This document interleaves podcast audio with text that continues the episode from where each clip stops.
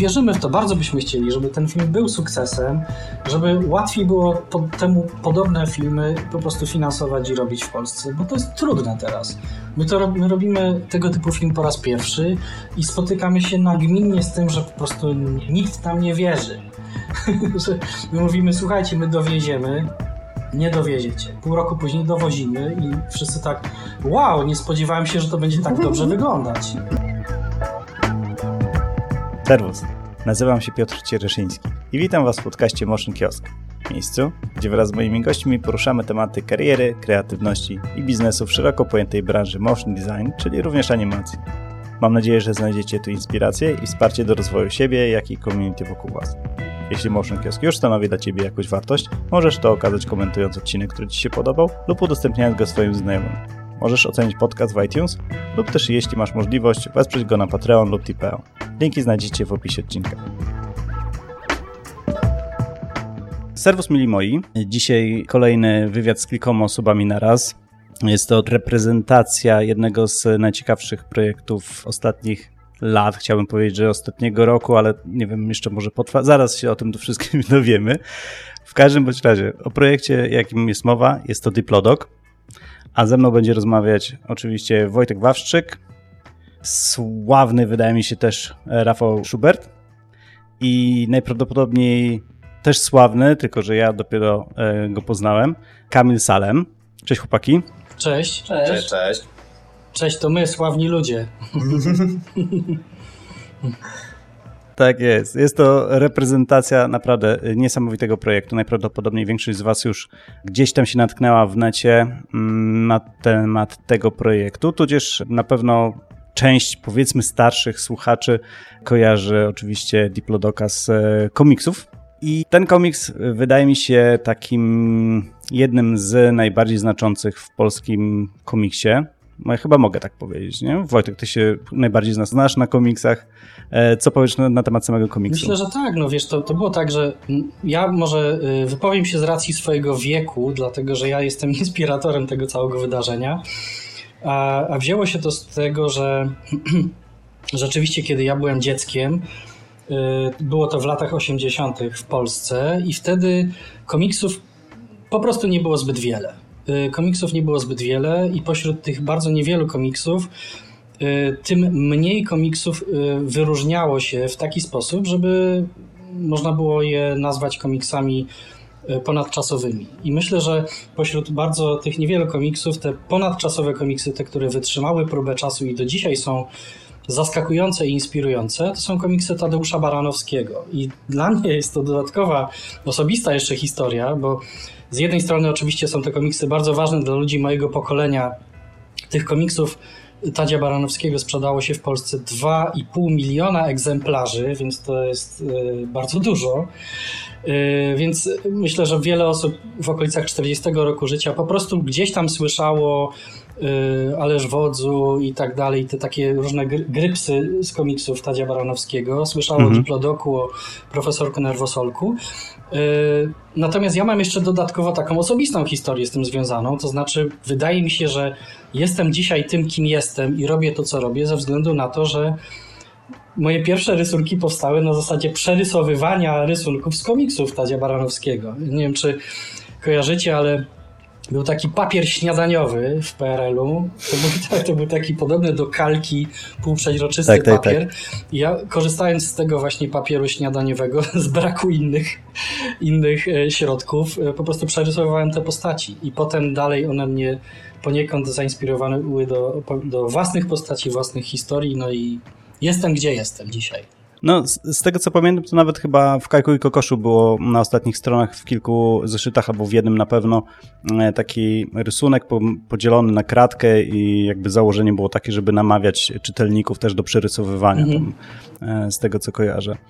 Mm, no właśnie, okej, okay. jeżeli mamy e, tak kultowy komiks i tak jak mówisz, masz powiązanie takie osobiste, to powiedz mi, wydaje mi się, że zajęcie się na przykład, anim, znaczy na przykład, zajęcie się tą animacją tego komiksu, tak, zanimowaniem go, wydaje mi się dość takim, dość taką delikatną sprawą, tak, mhm. czyli były już wcześniejsze próby animacji komiksów i one raczej mm, słabo wyszły. Widziałem wasz teaser i wygląda to super pysznie. Dzięki. No ale oczywiście no, cały film pokaże, jak to wyjdzie i powiedzcie mi, czy jest z tym związany jakiś taki powiedzmy stres na zasadzie, że y, z motyką na słońce mhm. idziecie. Dotykamy, Czy czujecie, dotykamy że świętości. jesteście godni i dacie radę? y, oczywiście. y, nie, no trochę żartuję. Oczywiście, że, że jest, jest ten lęk i, i jest ten, powiedziałbym, ja, ja przynajmniej odczuwam taki osobisty oddech smoka. Natomiast pomaga mi bardzo w tym to, że bardzo dużo ludzi, którzy pracują przy tym projekcie, nie mają takiego problemu, nie mają tego, nie, nie odczuwają tego ciężaru y, takiego wynikającego z, z jakąś taką y, y kwestią sentymentalną, bo wydaje mi się, że ten sentyment, on jest, on jest ciężarem, prawda, że ktoś Mhm. Y, też no, można założyć, że ktoś, kto jest w moim wieku, też y, czytał te komiksy, coś tam przeżywał, one go w jakiś sposób ukształtowały. No i pewnie spojrzy na taki film i powie, nie tak to zapamiętałem, w związku z tym hmm. ten film jest zły. No właśnie. Y, właśnie. Więc to jest, to jest trudny temat. Natomiast wiesz co, ja wychodzę z założenia takiego, że myślę, że bardzo dużym błędem byłoby założenie moje takie, że ja, ponieważ jest to dla mnie ważny film, to teraz przeniosę jeden do jeden kadr po kadrze na, na ekran i po prostu sprawię, żeby te kadry się poruszały. To nie jest ta metoda. Zupełnie inną metodę przyjąłem. Wydaje mi się, że wyszedłem z założenia, że bardziej dla mnie ważne jest złapanie tego ducha, który był dla mnie ważny i być może będzie ważny dla ludzi, którzy nie znają nawet tych komiksów. I próba mhm. złapania ducha oryginału, czyli tego wszystkiego, z czym te komiksy się dla mnie wiążą. Bardzo barwne, absurdalne, popieprzone, yy, niezwykle takie bo bogate też plastycznie, to znaczy są jakby kadry, które są przeładowane treścią poniekąd, czy jakby są winietowane takimi barokowymi yy, kompozycjami, często takimi y, ornamentami roślinnymi, Y, taka bulwiastość tych form i tak dalej, więc szereg rzeczy, y, czy sama świadomość tego, że na przykład postaci są świadome tego, że są rysowane przez autora, y, to są takie mhm. rzeczy, które dla, myślę, że one są w stanie być atrakcyjne dla dzisiejszego widza, nie znającego nawet oryginałów. Więc Jasne. moje e, e, założenia przy, przy pisaniu scenariusza jeszcze były takie, że ja poniekąd byłem w takim rozkroku pomiędzy tym, żeby być wiernym wobec oryginału, ale też, żeby opowiedzieć autorską historię. I myślę, że, że to się udało i, i to, że dołączyli do mnie ludzie, którzy jakoś skumali moją jazdę i dołożyli do siebie swoje jazdy, to to tworzy projekt bardzo wielowymiarowy, w którym mhm. mm, każdy coś znajduje dla siebie atrakcyjnego, a jednocześnie to nie zaprzecza duchowi oryginału. Myślę, że to jest to nasze. Mhm. Czuję, że to jest nasze. No, wydaje mi się, że, hmm?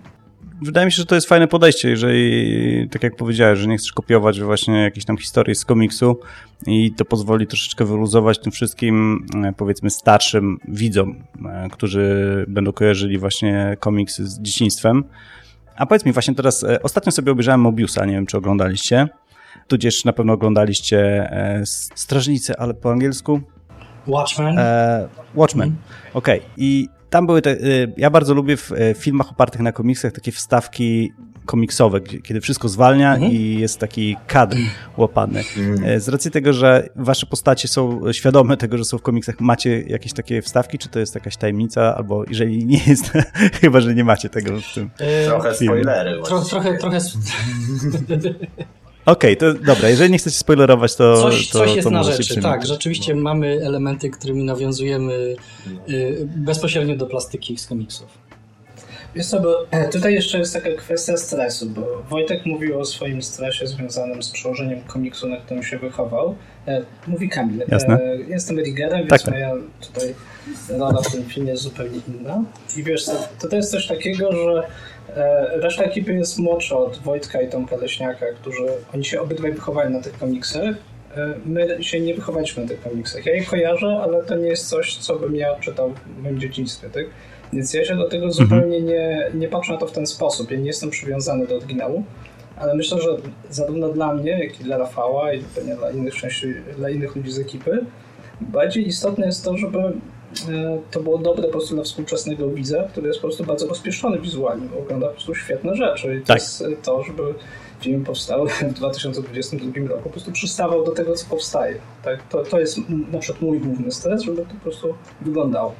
Tak, no właśnie chciałem was o to pytać, bo z racji tego, że siedzicie razem jakby i Wojtek powiedział, że dla niego to jest e, sentyment, właśnie chciałem was zapytać, e, czy dla was praca przy tym projekcie to jest takie powiedzmy wyzwanie, że o, teraz tworzymy coś naprawdę zajebistego, takiego polskiego i to będzie taki produkt narodowy, przynajmniej ja tak lubię o tym mówić i myśleć, czy raczej czujecie się tak, że kurczę, jak ryba w wodzie, że wierzycie w swoje umiejętności i wiecie, że to, co zrobicie, po prostu będzie super dobre? To może, ja może powiem ze swojej kwestii animacyjnej.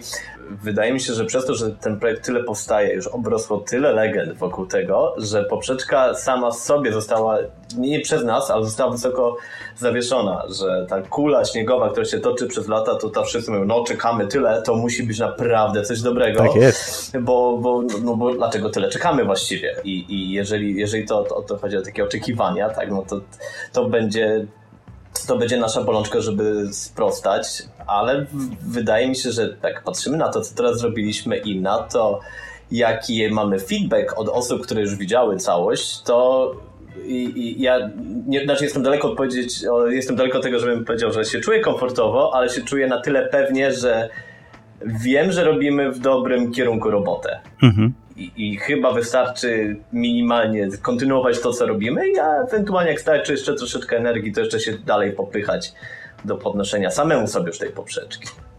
Jasne. A e, wydaje mi się, nie wiem, nie będzie odważne, ale co powiecie na to, że na takie pytanie, nie wiem, czujecie, że jesteś, jesteście już na tyle doświadczeni, że, że dla was taki projekt nie, nie jest jakimś takim czymś trudnym. Już macie raczej takie doświadczenia w branży, że mm, technicznie i w ogóle tak, nie wiem, work, workflow jest e, dla was, jak czujecie się jak ryba w wodzie w tym wszystkim, czy macie jakieś takie, powiedzmy, swoje wyzwania związane dokładnie z tym projektem? Ja ci mogę odpowiedzieć z mojej strony, Dawaj. tak? bo e, ja, dla, dla mnie na przykład to jest bardzo, bardzo wymagający projekt technicznie. Mhm. Tak? Jest zdecydowanie trudniejszy od rzeczy, które robiłem wcześniej. Robiłem przez wiele lat, robiłem reklamy, tak? na których zresztą robiąc je w bardzo dużym stopniu przygotowywałem się do zrobienia tego projektu. Tak? Czyli, że e, czasami reklama może nie wymagała ode mnie zrobienia czegoś w dany sposób, ale miałem z tyłu głowy, że okej, zrobię to, przyda mi się to, kiedy się będę robił Diplo, tak? No i wiesz, to jest pierwsza rzecz, że przygotowywałem się do tego dość długo, więc jakby przyszedłem z jakimś przygotowaniem, tak? E, Ale mimo to e, ten projekt stawia przede mną cały czas bardzo różne wyzwania, tak? Myślę, że jednym z głównych wyzwań są oczekiwania moich kolegów, na przykład Dafała, bo uważam, że Dafał jest świetnym animatorem, wspaniałym, ale jest po prostu niesamowicie wymagający. Jakby w sensie, że sp- spełnienie jego e, oczekiwań jest po prostu ogromnym wyzwaniem. Tak? I jakby to proszę Rafała, ale też e, innych animatorów. Tak? Proszę w ogóle, wiesz, bo animatorzy chcą, e, oczywiście są zmianami, ale chcą po prostu są artystami, chcą się wyrazić i tak dalej. Tak No, jest. Staram się dać im najlepszy ołówek, który mogę to zrobić, tak? Nie zawsze wszystko przewidzę, ale staram się. E, To też jest ciekawe, to trochę porównując do e, Wojtka i nas, w sensie naszych e, doświadczeń, tego co dostaliśmy, też często bardzo różny feedback dostaję od bardzo doświadczonego animatora, którym jest Rafał, który animuje długo. I od młodszych animatorów, których też mamy w tym projekcie, tak? Oni mają na przykład swoje oczekiwania, tak? I Mhm. Spełnienie tego nie, nie jest łatwe. Jasne. To jeszcze, jeszcze będziemy rozmawiać właśnie o, mm, o waszym teamie, ale mm, powiedzcie mi proszę, Ja chciałem coś dodać tylko, że jakby podsumowując, myślę, że na każdym absolutnie szczeb- szczeblu tej, tej produkcji, dla mnie, dla wszystkich absolutnie zaangażowanych tutaj dziewczyn i chłopaków, największym takim wyzwaniem jest to, że to jest projekt o nieprawdopodobnej, nieprawdopodobnie dużej skali. Mhm. I to nie, to nie wynika z tego, że to jest jakiś projekt, który jest jakoś większy niż to, co ro, robią mainstream, to, co jest w mainstreamowych filmach, tylko to wynika z tego, że my mamy bardzo mały zespół. I to często oznacza, że każdy z nas ma do wykonania po prostu nadwymiarowe prace ponad to, co, co, co, ma, co ma do zrobienia jakby w ramach jakby sw- swoich obowiązków takich codziennych. Mhm. No i to tyle, więc to, to, jest, to, jest, to jest wyzwanie. pozwólcie, że e, jeszcze raz zadam te ostatnie pytanie, które chyba mi przerwało w połowie. E, dobra. Właśnie, Wojtek, wspomniałeś wcześniej, że jakby dzisiejszy widz jest teraz e, wymagający, tak? Większość młodych ludzi już dość konkretnie jest wychowanych na animacjach 3D, typu Toy Story, czy nie wiem, jakieś tam, gdzie jest Nemo i tak, i tak dalej, i tak dalej. To już są jakby stare filmy tak naprawdę dla wielu już. Nie wiem, Toy Story ma już ponad 20 lat, nie? Jak nic. Mhm. No właśnie. 95. I teraz tak, jeżeli, jeżeli widz jest wymagający, to jakie jest wasze podejście do, do tego Diplodoga? Czy chcecie zrobić coś, co e, widz, dzisiejszy widz rozpoznaje i raczej chcecie dowieść to, co jakby oczekuje? Czy macie ciągoty, żeby jednak e, dać coś od siebie, żeby to było inne, niesamowite, nie tylko e, no, powiedzmy tak ponadczasowe, ale też niekoniecznie, że, że musi być pod, bardzo podobne? Bo mam wrażenie, że po prostu w 2022 naj, roku nawet Disney już tam próbuje swoich jakichś takich nowych podejść do animacji mhm. i wydaje mi się, że przyszedł czas na jakieś zmiany. Jakie jest wasze podejście do, do, do samej tej animacji? Myślę, że to jest w ogóle jeden z głównych motywatorów dla nas. To jest tak, ja, ja na, bo wiecie, bo dużo się skupiliśmy na, w moim przypadku na kwestii nostalgii, ale to nie jest mój główny motywator do tego, żeby robić ten film. To nie, nostalgia to jest wynika po prostu z tego, że to jest coś, co było dla mnie kiedyś ważne, w pewien sposób mnie ukształtowało.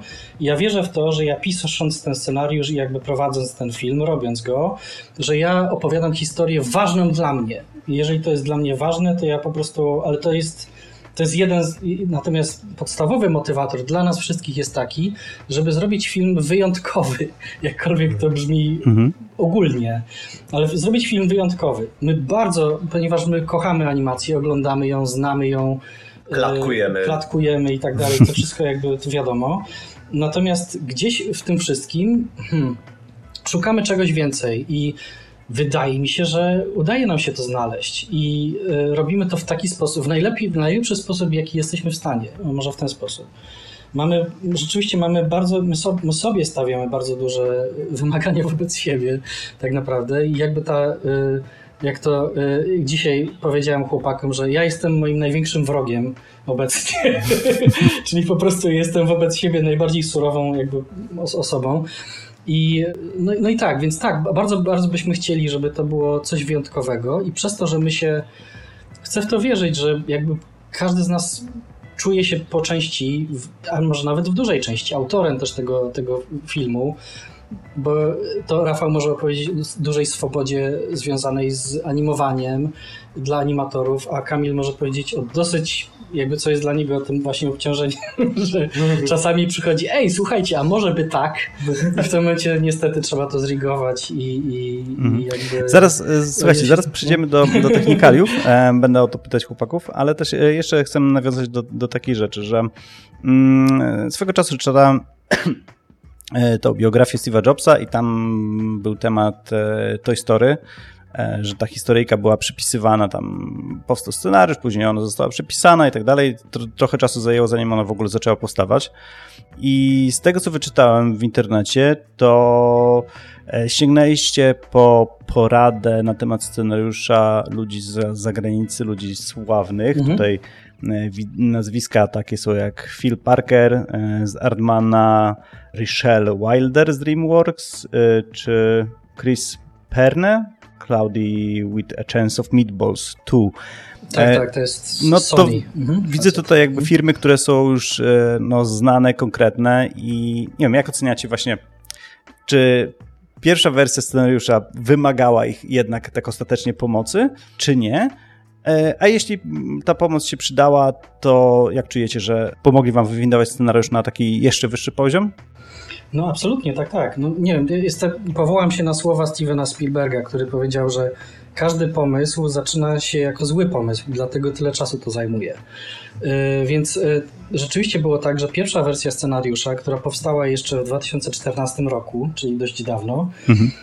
Ona, ona z kolei była efektem rozmów między nawet dziewięcioma osobami. To była taka mała grupa scenariuszowa, którą ja powołałem, bo biorąc pod uwagę, że adaptujemy coś, co dla, dla wielu osób jest ważne, pomyślałem, żeby to no, chciałem zebrać, porozmawiać z ludźmi, więc to było szereg spotkań, gdzie każdy mówił swoje rzeczy i każdy mówił co innego zupełnie. Więc jakby ten pierwsza wersja scenariusza to była czymś w rodzaju zapisu kronikarskiego tych, tych spotkań. Mhm. Czyli takiej próby zebrania jakby wielu opinii w coś, co ma jakieś, jakieś ręce i nogi. I ten projekt zaczynał się, on miał znacznie bardziej skromną skalę na samym początku. To jest też bardzo ważne do odnotowania. I kiedy my w 2014 roku wyjechaliśmy na taką konferencję w, we Francji nazywającą się Cartoon Movie i pokazaliśmy nasz projekt, dostaliśmy owację na stojąco i zobaczyliśmy, że ten projekt jest znacznie bardziej pojemny niż to, co nam się wydawało na, na początku. Wtedy nastąpiła właśnie zmiana trochę strategii, powiększył się jakby ten, ten film w skali, zaczął mhm. być e, językiem oryginalnym tego, tego projektu jest język angielski. E, zaczęliśmy pisać po angielsku, zaprosiliśmy międzynarodowych ekspertów scenariuszowych i przyjaciół, i scenarzystów, i reżyserów, i script doktorów i tak dalej. I rzeczywiście oni doprowadzili do tego, żeby przy zachowaniu, na czym mi bardzo zależało, bo łącznie powstały 23 wersje scenariusza. I podczas tego wszystkiego, tych, tego przepisywania, ta opinia ludzi nie związanych kulturowo z tym komiksem i nawet z tym regionem bardzo pomogła w tym, żeby zachować ten oryginalny, to o czym mówiłem, ten duch komiksu, absurdalny, kolorowy, barwny, zwariowany, szalony, ale jednocześnie, żeby to było uniwersalne, żeby tam były treści, które są zrozumiałe. Ja miałem fantastyczne, może dzięki temu, kiedy nagrywałem już aktorów, bo jak się domyślasz, oczywiście wszystkie, cała ścieżka dźwiękowa, aktorska została nagrana przed rozpoczęciem animacji. No, kiedy nagrywałem klienci aktorów, tego nie rozumieją wiadomo, nigdy. No, nie, to, to, mówię to klientom teraz. tak się robi.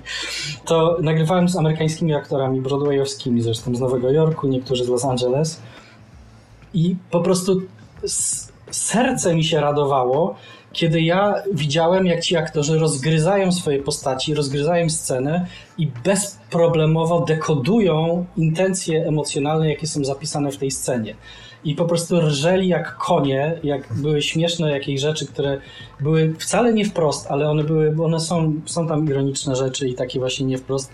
I to było fantastyczne, wiesz, jak oni się jakby poniekąd zapominali nagle i mówili stary w ogóle i, i wiesz, nakręcali się. I nawet niektóre części dialogowe improwizowali, bo ich zachęcałem do tego, żeby oni odklejali się od dialogów i żeby lecieli na żywioł. I to było fantastyczne, że oni to poczuli. I to, to mi to mi też dało takiego, wiesz, taki bodziec, że myślę sobie, kurde, to jest, coś w tym jest, nie? Nasadałeś teraz e, mi takie pytanie, bo mm, mamy tego, znaczy my, no, jest Shrek, tak? I Polacy strasznie przywódcy lubią mówić, o, ten Shrek to taka super animacja, takie tam dialogi i tak dalej, i tak dalej. No nie, ja osobiście wolę, znaczy uważam, że dialogi są super, ale y, wolę wersję amerykańską, też mi się bardzo podoba. Jak... Mm -hmm. Taką i taką obejrzałem, jak były dwie spoko.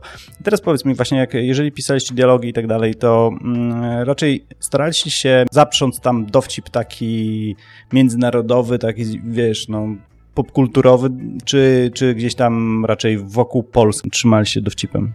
Nie, nie, zupełnie. Wiesz co, to jest tak, że jakby to była moja podstawowa... Ja, ja wychodzę z założenia, zresztą wiem, że w Pixarze jest też taka, taka jest przyjęta metoda, że dowcip wizualny jest ponadczasowy.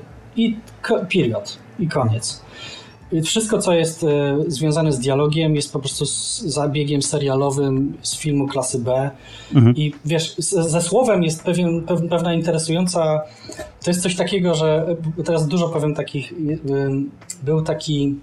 Nie mogę sobie, sobie przypomnieć, on się nazywał Ondrziczek chyba, to był operator Maciorka i Worliczka i chyba Formana. To jest taki operator czeski, który kiedyś powiedział coś o przekleństwach na przykład. To będzie dużo rozbudowane, ja mam, przepraszam, ja tak mam no wypowiedź. I on powiedział coś takiego a propos dialogów, że on bardzo nie lubi dzisiejszych komedii, dlatego że tam się używa przekleństw. I przekleństwa działają w taki sposób, że jak one padają w dialogu, to ludzie się śmieją, bo to jest po prostu atawistyczna reakcja na przekleństwo. Mimo, że to może być dialog niskiej jakości, to użycie przekleństwa nagle po prostu rozładowuje jakiś stres związany z prawda? Z poznawaniem słowa. Tak, jest. I ludzie się, ha, się śmieją, bo ktoś powiedział coś na K. I to jest a propos, to jest jakby jedna rzecz związana, słaba rzecz związana z dialogami, że można po prostu napisać dialogi, które mają taką grypserę. Ja bardzo nie lubię polskich dialogów z Oszeka, żeby nie była jasność. Mhm. Bo one się opierają, one są po prostu, one mają grypserę i mają śmieszne słówka i one w sposób taki właśnie powiedziałbym pierwotny rozbrajają kogoś i ktoś myśli, to jest śmieszne. To jest jeden powód. A drugi powód jest taki, że nie wszyscy ludzie potrafią śpiewać, szczególnie w Polsce. Myślę, że Polacy są bardzo niemuzykalnym narodem, wybitnie niemuzykalnym. Ale każdy zna słowa piosenki. I jak, wiesz, każdy śpiewa, bo wszyscy Polacy to nie znając melodii, nie potrafiąc po, e, jakby powtórzyć, to jednak słowo zostaje. I to jest dla mnie, podsumowując te moje dziwaczne wywody, to jest dla mnie działanie na skróty. To znaczy mm. śmieszny dialog z grypserką albo z przekleństwem, nawiązujący na przykład do, wiesz, do jakichś sentymentalnych, lokalnych bardzo rzeczy, jest dla mnie po prostu działaniem na skróty, który ja chłopakom też mówiłem, po prostu nie, nie, nie robię na skróty. Stąd też był na przykład po, pomysł taki, że jeszcze przed zamknięciem scenariusza ja zebrałem grupę rysowników, świetnych polskich komiksiarzy, był Śledziu, był Tomek Leśniak. Y, i po prostu i poprosiłem ich, żeby wybrali, to było chyba 300 300 rysunków z ówczesnego scenariusza i żeby narysowali to w taki sposób, żeby to było dobitne i śmieszne. Czyli żeby oni zawarli żart wizualny na tych klatkach storyboardowych. To był taki brudny storyboard, który wisiał tu u nas w studiu, nazywaliśmy gacie, bo my rozwiesiliśmy sznurki i klamerkami rozwiesili takie gacie wisiały, wiesz, storyboardowe. I dopiero kiedy to powstało, to wtedy wtórnie, czyli mając obraz jako jako inspirację napisałem kolejną wersję scenariusza. Najlepszą wersję scenariusza do, do tego momentu. Okay. Dobra. Co, chodzi mi o to, że to, to, to, to, wiesz, to dało mi um, to dało mi po prostu, pokazało mi jak słabym ja jestem literatem. Ja nie potrafię pisać. Natomiast w momencie, kiedy ja mam relację obraz i słowo, to to zaczyna być lepsze. To, to, w tym kontekście mówiłem, że najlepsze, nie, że się przechwalam. E, chociaż czasami, czasami myślę, że mógłbym. Słuchaj, trzeba, ja uważam, że trzeba się przechwalać. Właśnie na tym cały PIC polega. E, akceptujcie to, że jesteście najlepsi. Tak? I nie ma nikogo, powiedzmy, Dobrze, lepszego dzięki. do zrobienia takiego filmu w Polsce jak wy i uznajemy was w tym Mówi momencie za najlepszy. Dobra, słuchaj, Wojtek, dam tobie trochę odpocząć. Teraz trochę, trochę, trochę do chłopaków. E, Wojtek wspomniał, że e, właśnie nie chce się opierać na, na dowcipie słownym, e, chce się oprzeć na dowcipie właśnie takim, no, akcji na gagach. I teraz tak, ja mam taką świadomość, że są szkoły w Stanach, na przykład we Francji, tak, typu Gobelin oczywiście e, i tak dalej i na stówę tam jest, e, czy właśnie o Stino Nawrockiej rozmawiałem i ona właśnie też mówiła, że mm, też uczęszczała na przykład na lekcje aktorstwa, no nie, czyli animator jest aktorem, no nie. I teraz e, mm, pytanie do Rafała i tutaj troszeczkę e, pośrednio do Kamila. Jak wy się czujecie właśnie tymi aktorami, czy, o może tak, czy, czy czujecie się odpowiednimi aktorami właśnie, żeby zagrać właśnie w tym filmie właśnie tymi postaciami? Wiesz to, to ja tak powiem, e, nie, nie, aktorami na pewno nie jesteśmy, ale jakoś, jakoś się nie nie, nie jesteśmy jakby aktorami do żadnego z, z, z E, wyszkolenie, ale kurczę, jakoś to działa do tej pory, więc, e, więc chyba, chyba nawet nasza niewiedza w tym jakoś nam, nie wiem, nie mogę powiedzieć, że pomaga, ale nie, nie limituje nas w żaden sposób, żeby stworzyć jakieś fajne, fajne rzeczy do filmu.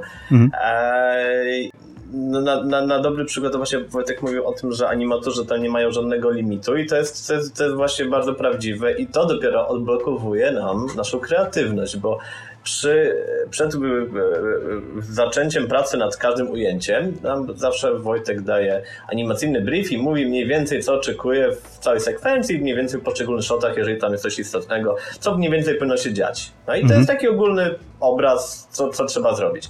Ale animator może to sobie zinterpretować na swój sposób, może dodać pierdyliard gagów innych jeszcze, co, co, co w ogóle jest niesamowite, bo właśnie ten brak jakiegoś bata, jakiegoś, e, że, że nie, musisz zrobić taki, taki, taki, taki i jak tylko po prostu od, odzerować tylko myśli Wojtka, no to, to, to nie mamy czegoś takiego. I to jest, to jest niesamowite, bo wielokrotnie animatorzy w ogóle przeszli nasze najśmielsze oczekiwania, wymyślili coś tak porypanego, że Wojtek właśnie ostatnio powiedział, że że on jest stary i nieśmieszny i cieszy się, że ma animatorów, którzy za niego wymyślają żarty. I, i, i to jest właśnie... Jestem bardzo śmieszny.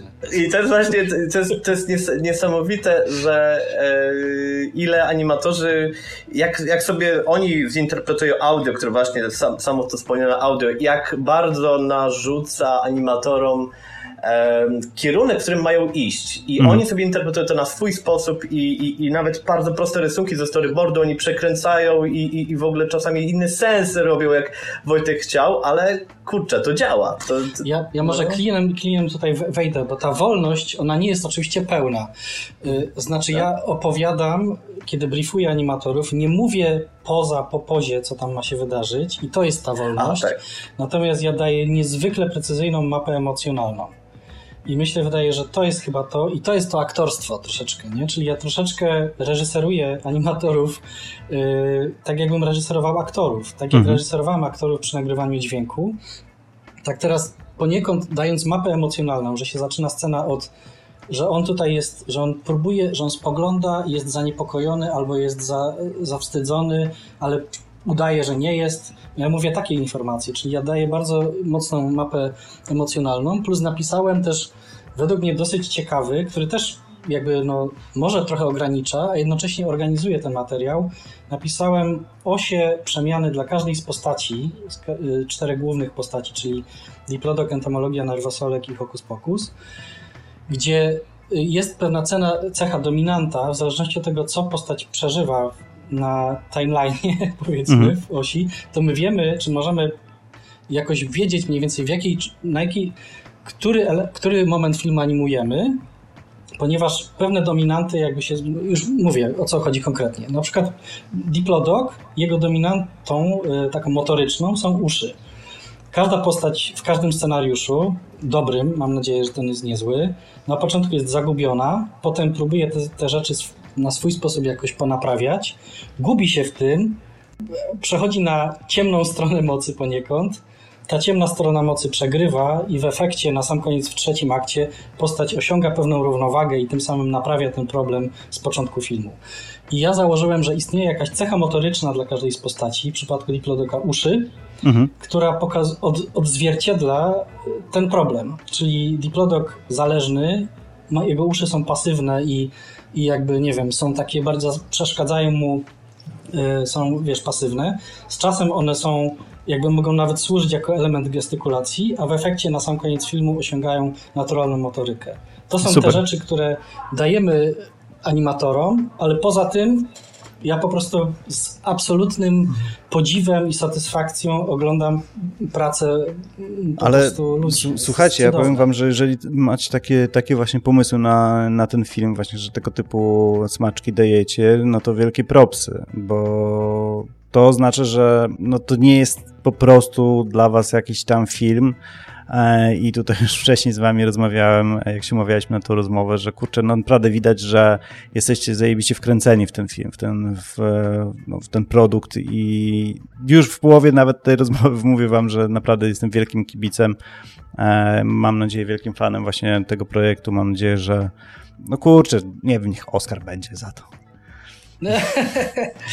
Jeszcze odpowiem z mojej strony. Znaczy, powiem coś, co pewnie jest bardzo podobne do tego, co powiedział Wojtek i Rafał, ale troszkę inaczej, bo mówiliśmy wcześniej dużo, ja wcześniej wspomniałem na temat tego, że każdy w zespole jest inny, Wojtek opowiedział o scenariuszu i, myślę, i też powiedział o tych y, żartach wizualnych.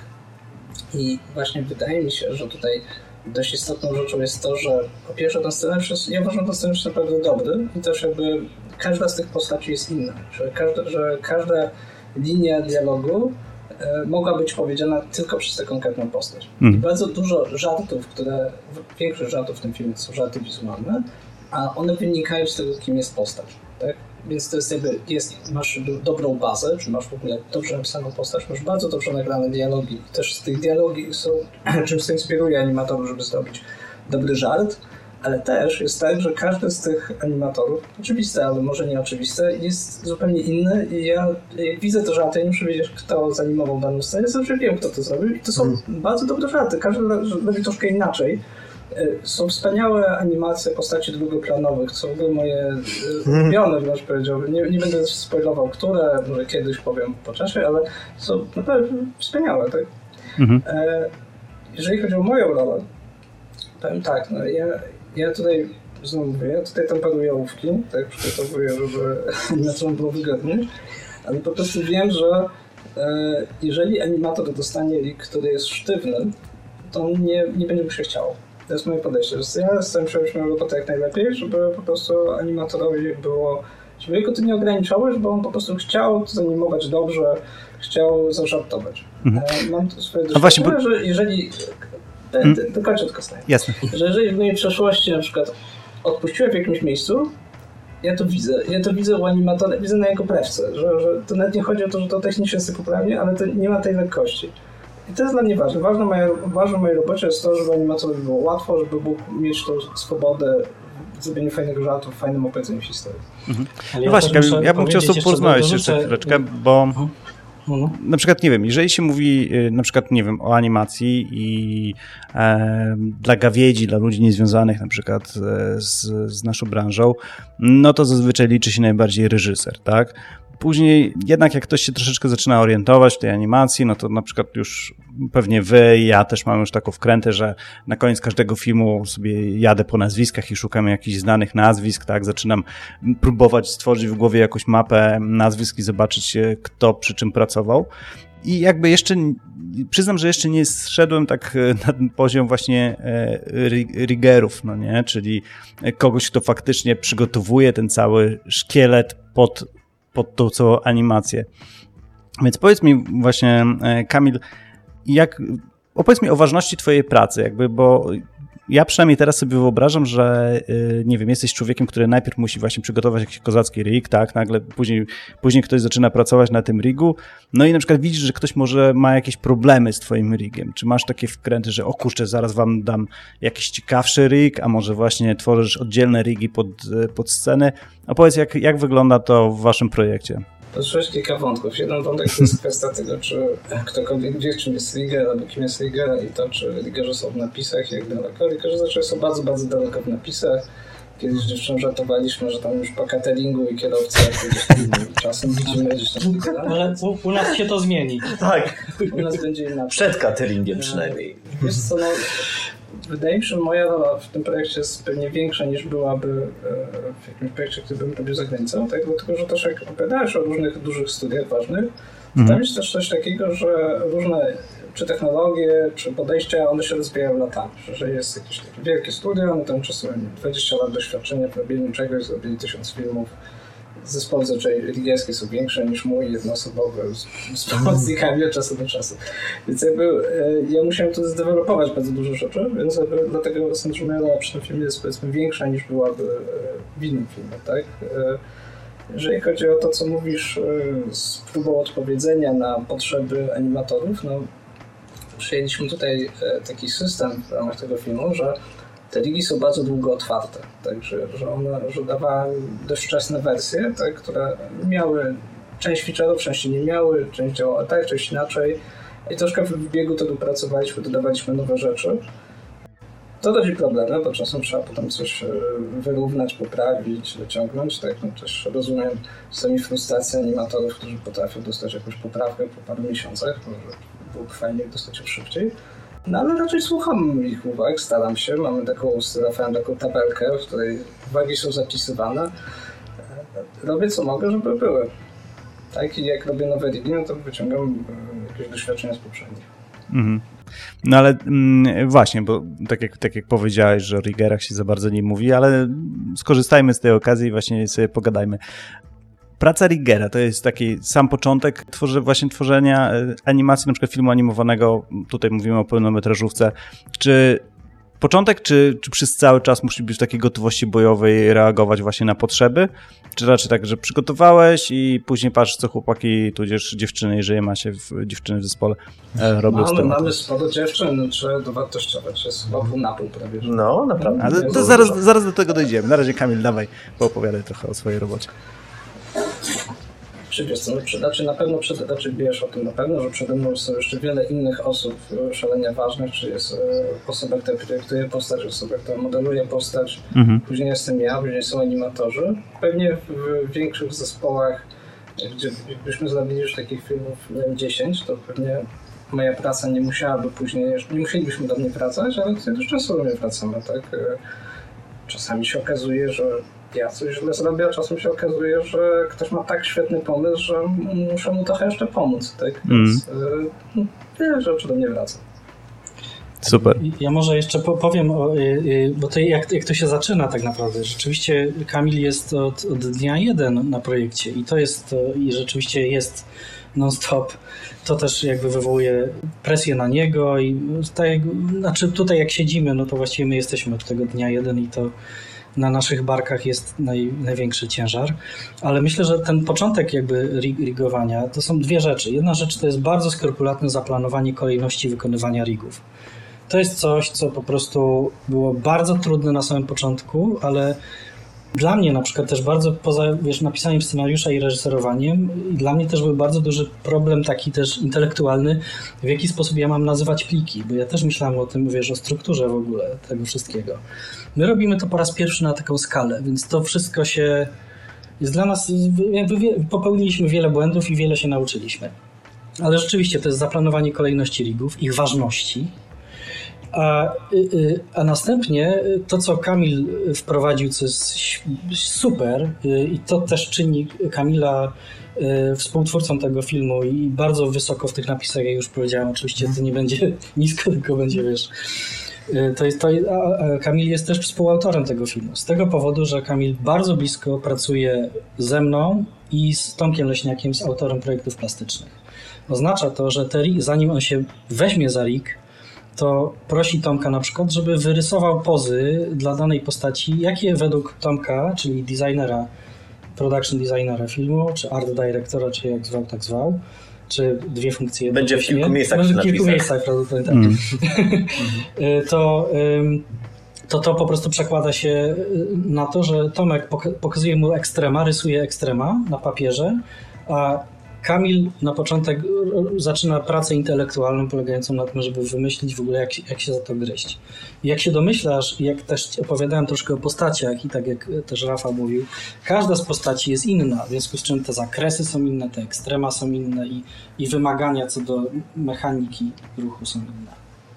Ja też tylko jeszcze dopowiem od siebie, że mhm. na początku produkcji, właśnie ten day one, to zaczęliśmy oczywiście od Rigu Diplodoka i e, do, do pory, gdy naprawdę rzuciliśmy z produkcją, to powstało wiele wersji Rigów, które e, Kamil podsyłał i, i ja oceniałem i mówiłem, co działa, co nie działa i, i, i wielokrotnie wiele z tych wersji poszło do kosza. Kamil zaczynał od nowa i potem jeszcze raz od nowa, więc jego praca na początku była bardzo ciężka, bo musieliśmy się jakoś dotrzeć, że wiedzieć, jakie mamy wymagania, jak to powinno działać i no to było, no już to było wiele miesięcy trwało, gdzie z Kamilem wielokrotnie siedzieliśmy po nocach i mówiliśmy sobie, co nie działa, dyskutowaliśmy, co jak, bo to było strasznie dużo.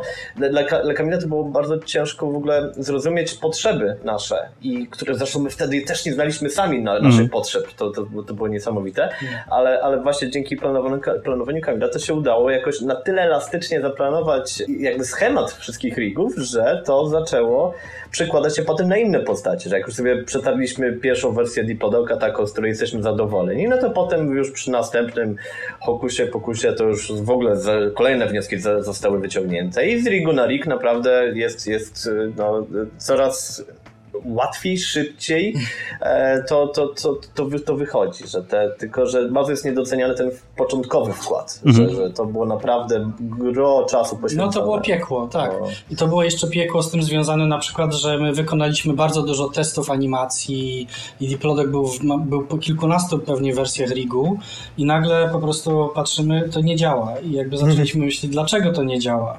No i Tomek Leśniak mówi wtedy, słuchajcie, w ogóle biodra są, trzeba przebudować biodra, w ogóle trzeba przebudować. Szyję, nos. Szyja, tak, biodra, nos, wszystko. I, I po prostu zaczęliśmy od zera. To wszystko, mimo że mieliśmy już sporo animacji zrobionej, to ona poszła do śmietnika, ponieważ ona na poziomie elementarnym, czyli budowy ciała i jakby takiego, to na czym bardzo Tomkowi, designerowi za, zależy bardzo mocno, czyli na tym, żeby postaci były e, e, e, jakby to powiedzieć, żeby na ekranie do kamery, żeby wyglądały jak bardzo proste bryły, y, które, dobrze mówię? No, no tak, takie, żeby czy, czysta żeby one, się, żeby one się składały z czystych sylwet i takich, żeby były jakby bardzo wyraźnymi modułami.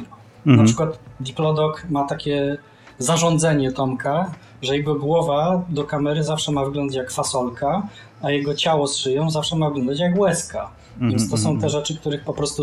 To tak jak z myszką Miki jest takie założenie, że e, uszy muszą być zawsze kołami. Zawsze... Słuchaj, ja animowałem myszkę Miki. Ja, ja byłem w Digital Domain w 2004 roku, gdzie animowałem po raz pierwszy w historii myszkę Miki w 3D. E, to była reklama Disneylandu, którą tam animowałem. Byłem szkolony przez Erika Goldberga, jak to robić. I rzeczywiście wielkim wyzwaniem było to, że myszka Miki obraca głową, ale jej uszy zawsze są dyskami okay. skierowanymi do kamery, a w profilu jest jeden dysk nad drugim. I my musieliśmy napisać bardzo trudny system, gdzie po prostu jeździliśmy tym po, po głowie, tymi deskami.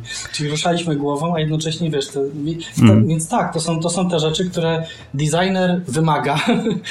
I, i, I to się przekłada na po prostu szereg problemów dla nas wszystkich. Mm początkowych i piekło, i to, co mhm. wspomniałem, ale z czasem właśnie, jeżeli my jesteśmy w stanie wybrnąć z tego bagna, tego błota, tych, mhm. tych założeń początkowych, to efekty, które powstają są bardzo satysfakcjonujące. I myślę, Jasne. że jesteśmy teraz na takim etapie, gdzie gdzie jakby dostrzegamy i czujemy ogromną satysfakcję z tego, co, co e, się, Ja jeszcze co, pozwolę co sobie tutaj delikatnie tak e, napomknąć, bo tak o Tomku e, Leśniaku mówisz tak bardzo jakoś delikatnie, jakby to w ogóle jakaś dziwna postać była tam, że mało znaczące. Żeby było jasne, jeżeli słuchacze nie wiecie, kto to jest, to zapraszam do odrobienia pracy domowej i poczytania kim jest Tomek Leśniak i co stworzył, bo no, ma ogromny wkład w taką polską popkulturę, no rzekłbym. Więc, więc tak. to nie jest postać bez znaczenia. Mm, no właśnie, słuchajcie. E, czy chyba, chyba mogę odważnie powiedzieć, że to jest taki e, największy polski projekt pełnometrażowy 3D w Polsce, zgadza się? Kierowany dla, dla widowni familijnej, tak. Myślę, że tak. Mhm. To teraz moje pytanie brzmi, czy na przykład macie jakąś taką ciągotę, że już myślicie o jakimś sequelu mm, czy coś w tym stylu? I czy skoro pierwszy raz Polacy robią coś takiego, czy próbujecie stworzyć jakiś właśnie taki workflow, który będzie mógł być skopiowany tudzież wykorzystywany, wykorzystany przez Was w jakichś tam późniejszych produkcjach, czy raczej tak e, pracujecie po prostu na żywym organizmie, że no to jak wyjdzie, to taki wyjdzie, no jakby wiadomo, ostatecznie produkt będzie wspaniały, ale same bebechy projektu będą już bezużyteczne. Czy raczej staracie się trzymać, stworzyć własne jakieś standardy tego projektu? No, wiesz co, ja powiem ci, że ja jestem rozdarty. Y, nie wiem, jak wy, myślę, że każdy z nas troszeczkę, bo z jednej strony my jesteśmy, naprawdę mamy ogromną zgryzotę w postaci ukończenia tego, tego pierwszego filmu i mm, wiesz, poza jakby wielkim szczęściem, radością i, i wiesz, i satysfakcją, o których dużo mówiliśmy, tych, tych pięknych słów tutaj, tych pozytywnych. Myślę, że każdy z nas jesteś, nieźle jest już wydrenowany tym filmem i to, to się nie polepszy w ciągu najbliższych miesięcy. W związku z czym z jednej strony oczywiście jakby mamy coś takiego, że ja na przykład mi bardzo pomaga mi bardzo to, że skupiam się na tym, co się dzieje dzisiaj i na jakby tej pracy, która jest do wykonania dzisiaj. To mi po prostu pomaga, bo myślenie o jakiejś skali, a, a jakby czymś, co jeszcze wykracza w ogóle ponad to, jest dla mnie trudne. I to jest jakby jedna rzecz. Oczywiście jest też ta druga strona, to jest taki, wiesz, ten aniołek i diabełek na dwóch ramionach, które się tam pojawiają u psa Pluto. I, I to jest ten aniołek, który mówi skończ ten film i odpocznij, a ten diabełek, diabełek mówi nie przestawaj. Może, a może by tak coś dalej. I rzeczywiście, no tak, no, no, ja myślę, ten diabełek mi coś tam podpowiada, aczkolwiek wiesz, powiem ci, że jeśli o mnie chodzi oczywiście, bo to mówię za siebie, y, własnymi ustami, to ja jakby myślę o szeregu innych ja wiesz, mam, mam komiksy jakieś tam na, na warsztacie i robię rzeczy niezwiązane nawet z filmem i, i to są też sprawy, które mnie cieszą i mnie rajcują jakoś tam po, pozafilmowo. Mhm. Słuchajcie, jest to produkcja polska prawda? W 100%? No, nie, nie jest w 100%. No już wiem, że z polsko, Czechami. Polsko-czesko-słowacko, tak. Okej, okay, ale, ale Polska króluje w tym temacie, tak? Czy jakoś tak rozłożyliście siły? My rozłożyliśmy bardzo y, zgrabnie siły w takich aspektach, w których nasze studio jest troszkę jakby lepsze i, i, i tam, gdzie mamy niedobory, to poprosiliśmy o pomoc studio, które jest lepsze niż my. Mm. Ale, ale później, później wiesz, jak ktoś będzie tam wódkę pił e, sobie oglądając wasz film, to nie będzie, mam nadzieję, że nie będzie mówił czegoś takiego, e, gdyby nie Czesi albo Słowacy, to, to, to ten film byłby do dupy, tak? Ten, czy, czy czujecie, że cholera jasna, to my Polacy zrobiliśmy to, a Czesi i Słowacy nam tego pomogli i to jest nasz produkt narodowy? Słuchaj, jest takie powiedzenie, że prawdziwy artysta nie ma ojczyzny. Ja w to wierzę. Wow. Więc dla mnie, czy to jest czy to jest polskie, czeskie, czy, czy jakiekolwiek inne, to jest absolutnie jakąś trzecioplanową sprawą. Tak? Nie, nie, nie macie takiego czegoś, że kurczę, robimy coś takiego, z czego Polska będzie dumna? Nie. Nie. Nie, nie. Nie, my, będzie, my będziemy z tego dumni. No. Tak, no, to mi się wydaje. Nie, dopóki nie zadałeś tego pytania, to w ogóle na to tym nie myślałem. Ale jako... teraz! Ale teraz. Polskie, nasze! Nie, no jakby nie chcę, żeby to brzmiało, kurczę, jak, nie wiem, kotlet milony z mizerią, ale no tak na zasadzie, że kurczę, jest to taka szansa, żeby, żeby e, właśnie się powiedziało o tym, że w Polsce powstaje coś takiego i, i wie, wiecie, że są tutaj talenty i kto wie, może to pomoże ludziom z branży być bardziej wiarygodnymi na rynkach międzynarodowych, tak? Że nie będziemy no, musieli... To, to, tak, wątpienia. No, mhm. Czyli myślę, że to będzie bardzo dobre dla branży, dla, dobre dla... Jeżeli był, miał powstać drugi taki film, no to mu to przeciera drogę. No, mogę mówić tylko za siebie. Dla mnie najważniejsze jest to, żeby tu film wyszedł i robię to dla siebie w bardzo dużym stopniu. Czy to jest polski film, czy to jest czeski film, jest mi A powiedzcie mi, ile, ile osób pracuje ogólnie w teamie, jeżeli chodzi o cały, yy, cały film, tak łącząc na przykład, nie wiem, jakiś marketing i tak dalej, a ile jest takich nazwę to technicznych, czyli animatorów, rigerów, nie wiem, ilustratorów, e, takich nazwijmy to bardziej artystyczną częścią teamu? Ta, liczba, ta liczba się zmienia, wiesz, więc to ja, ja, powiem szczerze, że jakoś nawet nie prowadzimy takiej statystyki, ale to nie jest duży zespół. To jest, to jest 30 osób, łącznie z PFX-em może być, no, prawda? Coś no. koło tego. Trzy więc, więc myśl, myślę, że, że około 30 osób, więc myślę, że to jest tak, że, że to jest taka. Mm, przy tej skali filmu i tym, co robimy, to jest taka jakby, no fajniej byłoby mieć 60 osób. No tak wiadomo. Powiedział. Albo 160. A, no właśnie, chciałem, powie chciałem powiedzieć tak. No dobra, a z czym się, z czym się ten, mm, no nazwę to problem wiąże? No e, wiadomo jak to w Polska, czyli na pewno z finansami, e, ale czy jest trudno znaleźć talenty I na w Polsce? możemy zakończyć.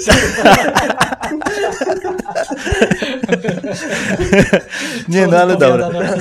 Słuchajcie, jesteście, jesteście zajawkowiczami, tak? Na pewno e, jednak e, no, pieniądze no, nie grają aż tak ogromnej roli, tak? No bo byście po prostu siedzieli za granicą i robili tam różne inne rzeczy, tak? Gdybyśmy mówili tylko o pieniądzach.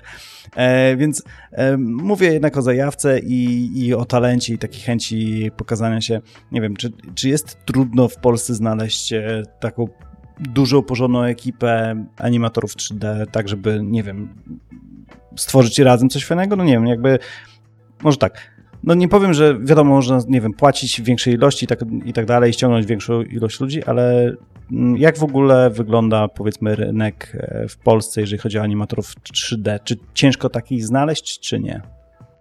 Wiesz, to jest, dobre pytanie, na które wielokrotnie, kilka razy się już zaskoczyliśmy. Na początku produkcji, jak tylko otwieraliśmy rekrutację, zaczynaliśmy, to mieliśmy gro zgłoszeń po prostu i z, i z Polski, i z całego świata naprawdę mogliśmy sobie przebierać w ogłoszeniach i naprawdę uzbieraliśmy solidny core animacyjny i bez problemu, tak, na, że naprawdę, że do dzisiaj są z nami wspaniali ludzie, którzy robią mega robotę. No ale do roboty dalej, dalszej, dalszej animacji dochodziło z, jednak, bo tam jak to właśnie mówiliśmy, że dochodzą ciągle nowe pomysły, a to jeszcze pomimo zamknięcia scenariusza, to tam a to, to jeszcze coś tam dodamy i jednak sobie lubimy komplikować życie, no to tam troszeczkę potrzebowaliśmy rozwinąć zespół, no i już tak w, na początku tego roku już nie było tak łatwo znaleźć więcej osób.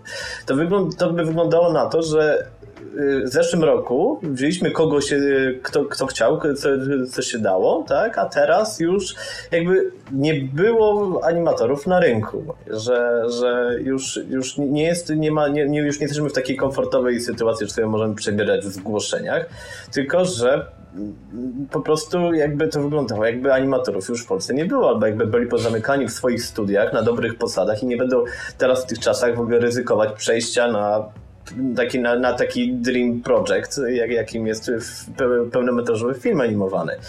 E, I, i, I to jest nasze właśnie drugie teraz zaskoczenie, że nie możemy tak łatwo skompletować mhm. osób.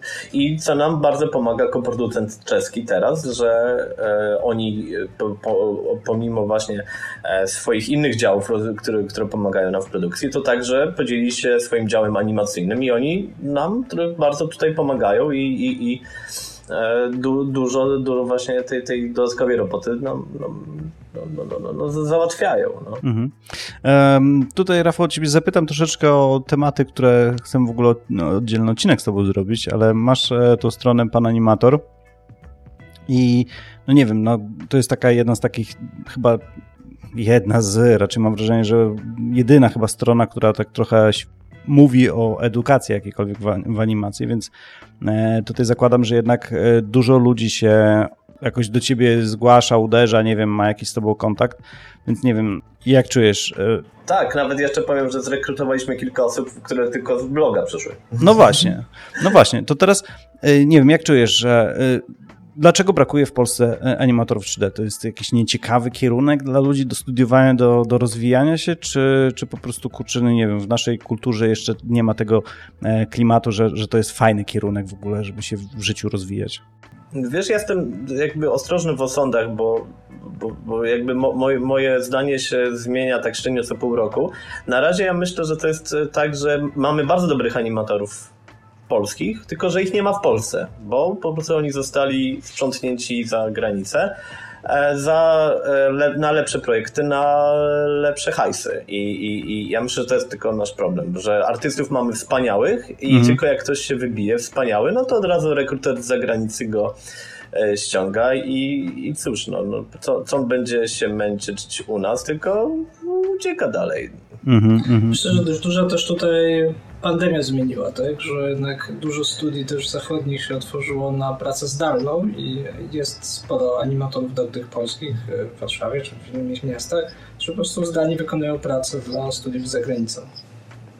Ja też tylko jeszcze dopowiem, że e, oprócz właśnie takich, że, że nie mogliśmy znaleźć, to na przykład mamy osoby, które e, z, oprócz tego, że zrezygnowały sam z pracy w innym studiu, to podzieliły swoją dobę na pracę w innym studiu, a dla pracy dla nas. Po prostu jakby nie palić sobie mostów, żeby mieć gdzie wrócić po projekcie, ale mhm. po prostu z samej pasji do, do projektu robią dla nas po godzinach, albo właściwie na pół etatu tu, pół etatu tam, tylko po to, żeby dla nas, dla nas robić, więc y, są też takie przypadki dla kontrastu. Jasne. No dobra, a wróćmy jakby do, do waszego teamu animatorów i e, śmiem rzucić taką tezę, że najwięcej macie najmłodszych tak? No bo jest to animacja ogólnie jakby no 3D, motion design się rozwija raczej aktualnie, czyli zakładam, że im młodsi, tym po prostu coraz więcej młodszych osób jest zaciekawionych tematem, tak? E, I teraz y, robicie jednak y, animację, która jest mocno zakorzeniona w latach 80.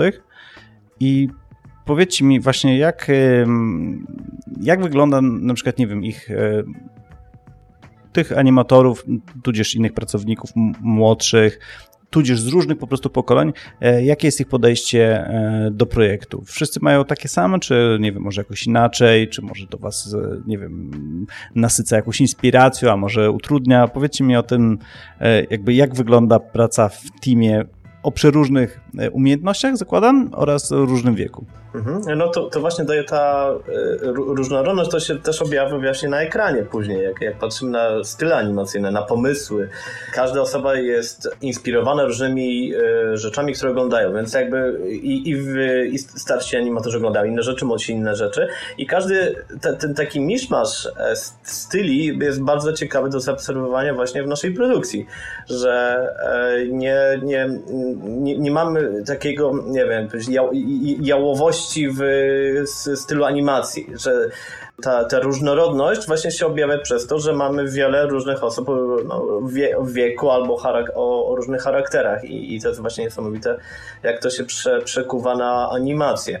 E, I oni, znaczy animatorzy, y, myślę, że nie wiem, czy to jest, to jest tak, tak samo jak u mnie, e, że e, oni nie, nie, nie nie czytali może e, komiksu tak, tak, tak, tak mocno jak ja, znaczy, ja, ja właściwie to przy komiksie ja tylko przeglądałem, pamiętam, bo to, to jest, jestem za, za młody na, na, to, żeby czytać w dzieciństwie, ale jakby ja Diplodoka znałem, jakby ogólnie jestem z tym zaznajomiony, ale są osoby, które w ogóle nie znały. Dopiero teraz tutaj przychodząc się poznały, że o, że w ogóle był jakiś komiks, Tadeusz Barenowski, kto to, to i tak dalej, ale to im w ogóle nie przeszkadza. Odnaleźć się w stylu, czy w, d, dużo, też ich niewiedza o tym wnosi do, do produkcji, bo nie zamykają się na jakieś, nie wiem, ramy, że nie, bo tak w komiksie było, to nie możemy robić inaczej. Właściwie te, te brak hamulców takich, e, że nie znają Diplodoka, to, to też jest niesamowity wkład. No ale też może, wiesz, to wynika z tego, że założenia są takie, że tych hamulców nie ma i to jest tak, że ja kiedy zapraszam jakby ludzi z różnych, nie wiem, o różnych e, e, charakterach i, i, i, wieku, i doświadczeniu i tak dalej, to to jest coś takiego, że jednak wydaje mi się, że po prostu jest tutaj stworzone bezpieczne środowisko dla każdego. W związku z czym to nie jest właśnie z drugiej strony, tutaj nie ma wymogu tego, że musisz być psychofanem komiksów Tadeusza Baranowskiego, żeby móc w ogóle przekroczyć próg naszego studia. Y, to, to, jest, to zupełnie nie, nie o to chodzi. To jest, wiesz, to jest coś takiego, że yy, nie wiem, kojarzysz Boysa? To był taki facet, który się rozbił dawno temu. Był taki artysta, który się rozbił y, y, samolotem czy coś takiego i na Syberii był prawie umierający i go jacyś tam autochtoni go leczyli tłuszczem z foki czy z czegoś tam i on przeżył jakby dzięki tej takiej dziwnej eksperymentalnej tej metodzie i troszeczkę mu przeskoczyła klepka i on zaczął potem smarować tłuszczem wszystkie rzeczy i wystawiać w muzeum. I to były te słynne krzesła Boysa i tak dalej, gdzie był jeden ze skandali na przykład taki, że sprzątaczka wywaliła je na śmietnik, bo myślała, że to jest jakieś ta, a to po prostu było mi, wielomilionowe, wiesz, jakby dzieło sztuki. Nie? No w każdym razie to jest coś takiego, że ja jestem nasmarowany tym tłuszczem poniekąd, ale ja nie, wiesz, nie... Nie smarujesz innych. Nie smaruję innych, nie? Ja nie oczekuję tego od innych. W związku z czym wydaje mi się, że ja po prostu ja przeżyłem coś, nie? Kiedy ja byłem dzieckiem i jakby to jest dla mnie silne doświadczenie, ale ja nie jestem kserokopiarką. Y, ja nie chcę powielić tego komiksu na ekran, co już mówiłem zresztą. Wychodzę jakby z pewnego doświadczenia, które jest dla mnie ważne, ale moim głównym celem jest stworzenie pomysłu, który jest uniwersalny, y, i który, i który jest w stanie po prostu stworzyć bezpieczne środowisko i ciekawe bardzo, inspirujące, gdzie, które polega też na wymianie doświadczeń i, i, i energii i, wydaje mi się, że to, to się udało. Mhm. Jestem z tego bardzo zadowolony. A powiedzcie mi, e, pokazywaliście jakieś prewki, tudzież różnego, mm, jakby różne etapy produkcji Baranowskiemu, czy, czy, czy raczej tak spotkaliście się raz podpisać jakiś tam dokumencik związany z prawami autorskimi i tyle? Nie, wiesz co, mi zupełnie po ludzku, tak po przyjacielsku, wiesz, zależy mi na tym, żeby, żeby Tadek widział, co się dzieje z tymi jego rzeczami. My na samym początku mamy taką umowę po prostu między sobą, gdzie sobie porozmawialiśmy o tym, ja mu powiedziałem, wiesz co, to nie będą twoje komiksy, to będzie rodzaj dialogu z twoimi rzeczami. I on dał nam wolną rękę i powiedział, róbcie z moim światem, co chcecie i jest tu kilka osób, tak jak wspomniany Tomek Leśniak, który też się wychował jakby na tych rzeczach i one w dużej mierze go ukształtowały jako dzisiejszego artystę. Y, I zależy nam na tym, żeby on jako po prostu nasz kumpel wpadał raz na kilka miesięcy, widział co się dzieje y, i absolutnie przemiłą sprawą było to, kiedy on obejrzał animatik z dużymi fragmentami animacji kilka miesięcy temu i powiedział, że, że się, jakby jego żona powiedziała, że to nie jest to co komiks, ale tutaj Baranowski się wylewa z, ka z każdego centymetra kwadratowego ekranu. Y, I to było dla mnie bardzo ważne. Czyli my mamy oryginalny projekt, projekt, który, mówiąc tak bardzo szumnie łączy pokolenia i różne wrażliwości, a jednocześnie projekt, który jest utrzymany w duchu oryginału, na, na czym mi osobiście zależy. Podejrzewam, że mnie bardziej niż, niż mhm. innym. Jezu, ty tak bierzesz do siebie, kurka wodna. A słuchaj, z Baranowskim nie będzie tak jak z Sapkowskim? Takie... Jakiejś takiej dziwnej tam fazy później, jak już zarobicie swoje bimbaliony? Nie, no dlaczego by miało tak być? My się, my no bo zarobicie kupę szmalu. Nie wiem, to jest... Tak? A jak? Tak, właśnie, mnie ty, czekaj, interesuje mnie ten wątek bardzo. No właśnie, rozwiń troszeczkę. No kurczę, w ogóle co to za założenie jakieś, nie wiem, okej, okay, ja rozumiem, passion, project i tak dalej, i tak dalej, no ale cholera jasno, no kurczę, dlaczego w XXI nie, nie, robimy, wieku się nie motywować hajsem, no? Żeby, no? No to jakby w tym momencie teraz tego powiedzmy nie odczuwamy, nazwijmy to dyplomatycznie. No trochę boli nawet. Na, natomiast, no ojejku, no nie wiem, no kurczę, każdy z nas, nie wiem, ja mogę o sobie powiedzieć, ja robię ten film nie tylko z powodów wszelakich, które już tutaj poruszyliśmy, ale też takich, że chciałbym, żeby ten film otworzył drogę do czegoś, co będzie też związane z, z większym hajsem. Z, jakby prosta sprawa. Czyli z jednej strony, wiesz, to jest to, o czym mówiłeś, to jest też taki bardzo ogólnie, jakby wierzymy w to, bardzo byśmy chcieli, żeby ten film był sukcesem, żeby łatwiej było po, temu podobne filmy po prostu finansować i robić w Polsce, bo to jest trudne teraz. My, to, my robimy tego typu film po raz pierwszy i spotykamy się nagminnie z tym, że po prostu nam nie wie, nikt nam nie wierzy. my mówimy, słuchajcie, my dowieziemy, nie dowieziecie. Pół roku później dowozimy i wszyscy tak, wow, nie spodziewałem się, że to będzie tak dobrze wyglądać. Ale ty z defetystami rozmawiasz, cholera jasna. Co jest, nie wiem, słuchaj, jesteś facetem, który Taki już no, ma 40 lat na karku, tak, masz brodę e, i nie wiem, jak rozmawiasz z no okej, okay, ja mówię na razie o, o, tobie i teraz chodzi mi o to, że rozmawiasz z ludźmi w Polsce, tak, którzy, którzy na pewno mają jakiś tam pieniążek, już sobie zarobili, tak, są w podobnym wieku jak ty. I też kojarzą e, komiksy Baranowskiego ze swojego dzieciństwa. I jak opowiadasz im o tym projekcie, że robisz ten projekt, nie wiem, jest naprawdę tak trudno y, znaleźć, nie wiem, jakichś inwestorów, którzy hajsem wesprą e, ten, ten, ten, ten projekt, oni nie wierzą tak, w to, tak, czy, tak, czy... tak, nie wierzą, to jest, to, i to jest jak z, tą, z tym, wiesz, jak z, tym, z tą regułą innocent until proven. To jest tak, że po prostu dopóki my nie będziemy mieć produktu w łapie i pokażemy, patrzcie, to, to jest, jest z tym ogromny problem. Jest, Nawet na skończonych fragmentach tak. nie, nie wierzę. Mm. No właśnie, to, to jest to też, co troszeczkę wcześniej wspomniałem, tak, że czy robicie jakieś standardy, czy, czy próbujecie, nie wiem, się przygotować ewentualnie na jakiś sequel i tak dalej. Dlaczego o to pytam? Bo ja się, znaczy boję, w sumie, no niczego się nie boję, ale tak bardziej mnie interesuje, że nie wiem, zrobicie ten projekt, wyprujecie żyły, tak, wszystko będzie zarąbiście, ale nie dacie nikomu jakby znowu uwierzyć, że jesteście w stanie zrobić to kolejny raz i kolejny i kolejny. Chodzi mi o to, że fajnie byłoby inwestorów, jakichś tam, nazwijmy to klientów, nauczyć, że Polacy w Polsce są w stanie robić takie filmy. Nie mówię, że zrobić takie filmy, o, się zmęczyliśmy już nigdy więcej, tylko że faktycznie animatorzy będą wierzyć e, na przykład, nie wiem, w Human, że, że jesteście w stanie powtórzyć e, dany sukces i tak dalej, i tak dalej. O to mi chodzi.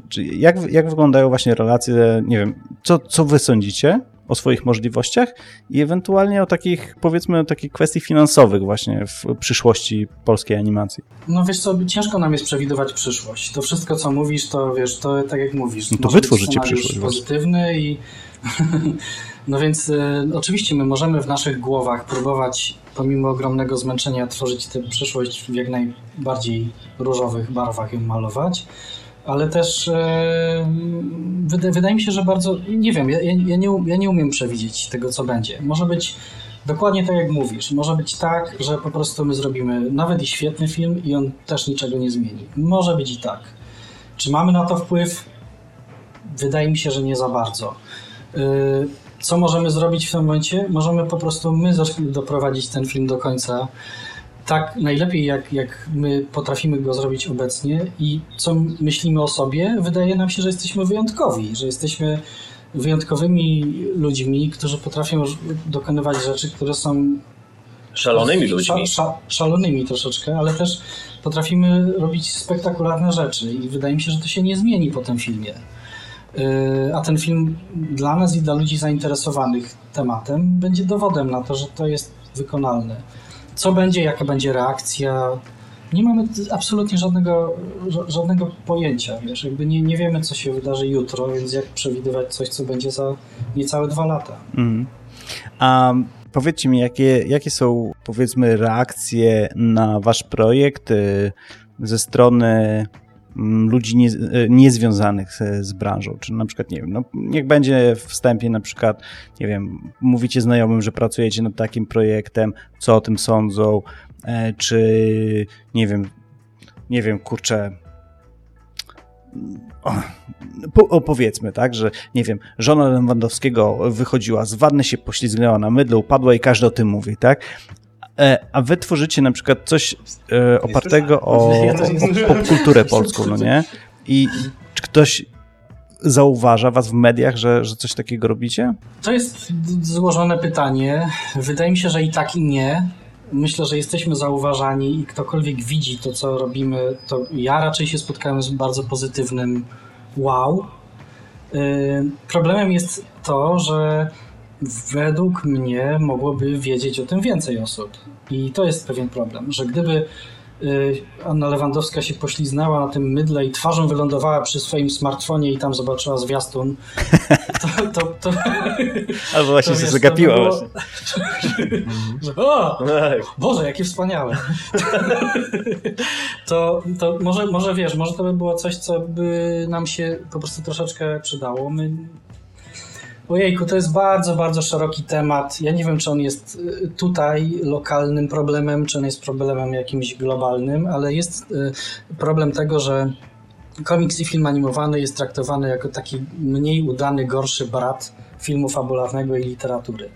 Mhm. No i tyle. Jakby rzeczywiście, o, wiesz, o, o, o rzeczach jakby z, o, nie wiem, no jeżeli masz jakiś dostęp do jakichś mega celebrytów, i mogłeś im pod, podrzucić teaser i oni by mogli tam napisać tam popłakałem się, bo po prostu jest taki piękny ten teaser. Nie musi to być żona Lewandowskiego, może być sam Lewandowski, nie wiem, no już nie będziemy tak wybrzydzać. Tam ich dzieci, no nie wiem. Nie. No, słuchajcie, na Bali się pojawiają celebryci, ale e, jak już gdzieś ich widzę, to, to raczej staram się tak, nie wiem, ewentualnie jakimś uśmiechem przywitać. E, zakładam, że oni są na wakacjach nie, i raczej nie chcą, żeby ktoś tam do nich podbiegał i coś ten zagadywał, ale następnym razem obiecuję wam, jeżeli nie, kogoś... Nie, nie, pokaż im, wiesz, będą lepiej wakacje. Tak mi się wydaje, że tak. świat może się okazać piękniejszy, jak no, zobaczą ten związek. No właśnie, tak następnym, razem właśnie podejdę i powiem, a wiecie, co wam sprawi jeszcze większą radość? To tutaj chłopaki robią coś takiego.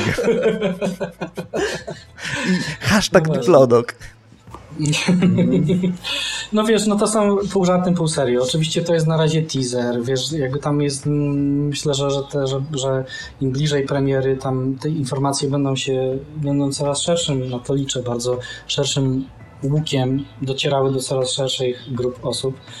No i, e, no i zobaczymy. No, oczywiście nasz wymarzony scenariusz jest taki, że my kończymy ten film jesteśmy w stanie jeszcze ustać na swoich nogach. Idziemy na urlop. Idziemy na urlop e, i, e, i po prostu jakby napawamy się swoim sukcesem. Jakby to jest, to jest nasz wymarzony scenariusz, że bardzo byśmy tego chcieli. Chcielibyśmy mhm. tym, tym, tym, tym filmem i pojeździć po, po, wiesz, po, po festiwalach, po kinach, pójść do kina i zobaczyć, jak ludzie oddychają tym filmem jako taki, wiesz, anonimowy widz, e, nie wiem, i jakby troszkę pobyć i jakby nie mieć problemów z tym, że, że my musimy jakby znowu udowadniać od zera, nie? że to, są, to jest taki jakaś polski, polski problem, polska domena, nie? Że, że wiesz, ja wyreżyserowałem prawie 200 reklam, a za każdym razem musiałem udowadniać, że potrafię to robić, nie? I za każdym razem na spotkaniu z agencją reklamową i z klientem no to tak. było tak, kuźwa, potrafię to zrobić. To napisz treatment. No właśnie, właśnie to jest, to jest też, czego ja życzę właśnie polskim animatorom i ogólnie twórcom e, filmów animowanych, no, tudzież komiksów niech będzie też, ale żeby kurczę te, te nazwiska wasze się wpisywały w jakoś właśnie to popkulturę, tak, że e, właśnie jak o Tomku Leśniaku mówisz, to tak mówisz jakby, nie wiem, człowiek bez znaczenia, tak, czy, czy, czy o swojej pracy tak na spokojnie mówicie właśnie, kurczę, że no, no, ta kasa by się przydała, no tak, wiesz, ja bym chciał, żeby, żeby, żeby właśnie mówić o tym i tworzyć w takim stopniu, że jeżeli właśnie ty mówisz, że ty się tym zamiesz, to wszyscy powiedzą, o, to to wiemy, że, że na, pewno będzie, na pewno będzie coś kozackiego, no nie? No. Bardzo, bardzo byśmy sobie tego życzyli i, i czujemy, że ten, y, jak żadna z innych rzeczy, jakie robiliśmy do tej pory wspólnie, to wydaje nam się, że po raz pierwszy czujemy, że że projekt o tak, tak trudny, o takiej złożoności, o takiej skali i tak zwariowany tak naprawdę, że ma, nam, ma szansę nam coś takiego dać. Liczylibyśmy na to. Mhm. A wróćmy jeszcze troszeczkę do, do, do samej animacji, ponieważ tak czuję się, czuję pewien niedosyt.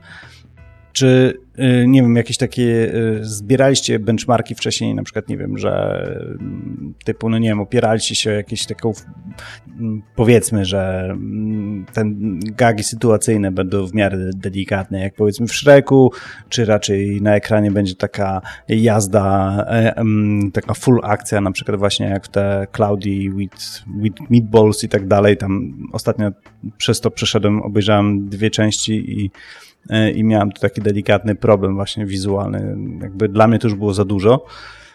Nie wiem, jakie, było wasze jakieś tam dyskusja na ten temat, jak, jak bardzo intensywny będzie obraz, e, coś w tym stylu? Mieliście takie dyskusje? Tak, mhm. tak, absolutnie. Tak. Mi się wydaje, że to w ogóle sam, sam start projektu, to Rafał zaraz powie więcej na ten temat, ale ja w Biblii mojej, yy, znaczy Biblia, tak się dziwnie to zabrzmiało, ale napisałem, to się nazywa Biblia, czyli coś, co jest takim mhm. manual, manualem projektu yy, kilkusetstronowym. Ja bardzo mocno wyszczególniłem kilka filmów, które ja, dla mnie są, były takim landmarkiem wizualnym i animacyjnym również, co pisałem.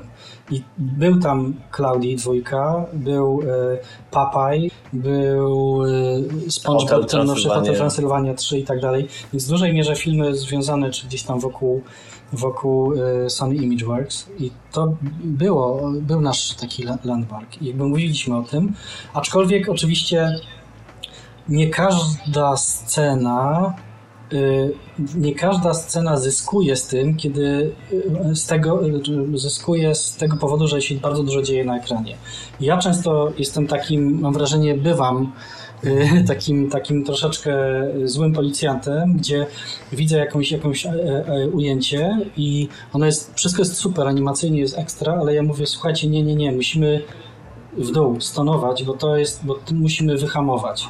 Bo mhm. musimy wyhamować, ponieważ kolejne ujęcie jest takie i takie i kleimy się do czegoś tam.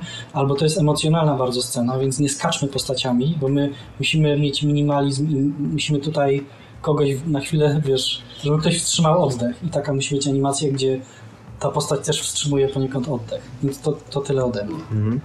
Ja od siebie dopowiem, bo y, y, wspominałem na początku właśnie, że Kamilem długo rozwijaliśmy Rigi i y, działo się to właśnie z kilku powodów, ale między innymi dlatego, że zmieniliśmy stylówę w ogóle jak będziemy to animować.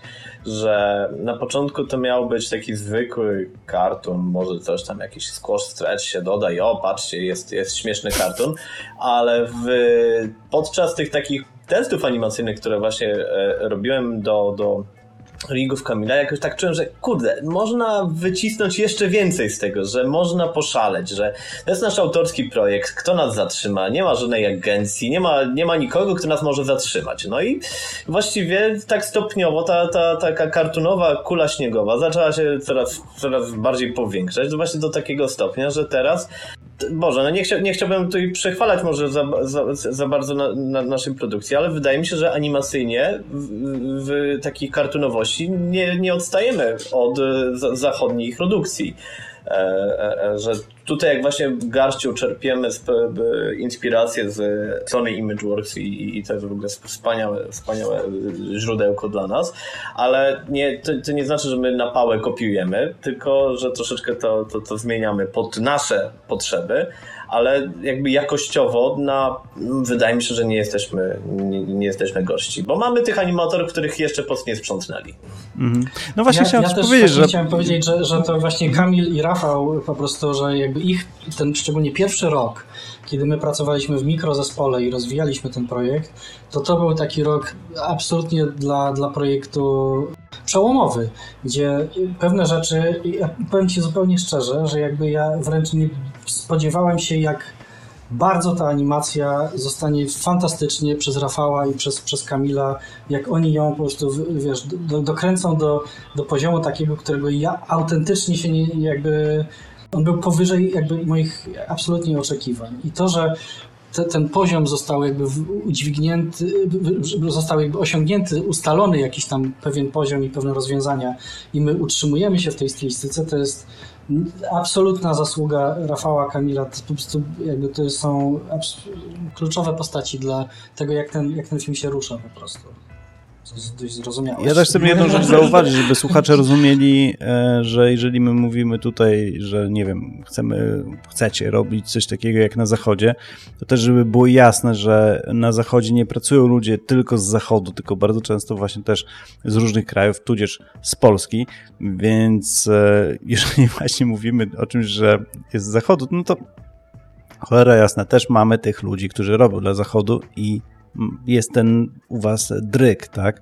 który gdzieś tam można za granicą zauważyć w różnych projektach. No właśnie to jest to, jest to, to że ich jeszcze nie, że, że pracują tam ci, którzy już zostali zrekrutowani, a, a my mamy tutaj grono bardzo dobrych osób, które nie poddają się, trzymają się nas i chcą dowieść projekt do końca. A słuchajcie, projekt już powstaje kilka lat. Stety, niestety. Powiedzcie mi, jaki to ma wpływ na samą animację, na styl animacji? Do czego pije? Chodzi o to, że, no nie wiem, powiedzmy, e, Rafał sobie animuje, no i nie wiem, przez dwa lata powiedzmy pracuje przy Diplodoku, ale no jakby w przeciągu tych dwóch lat na stówę coś podpatrzył, coś się nauczył, jakieś nowe podejście, to i tamto. Czy macie taką ciągotę, że e, uczycie się gdzieś tam pewnych rzeczy na zewnątrz i próbujecie je zaprzągać, w, czy zaprzęgać w, e, w Diplodoku, czy raczej e, ustaliliście sobie te kilka lat temu pewien sposób pracy i trzymacie się jego i jest to niezmienne? Czy raczej coś tam dynamicznie, coś podłapujecie z biegiem czasu, z biegiem waszego rozwoju takiego osobistego i tak dalej? Nie, stary, nie zatrzymujemy się. To jest po prostu, że jak coś popatrzymy ciekawego, to od razu to, to, to, to wdrażamy.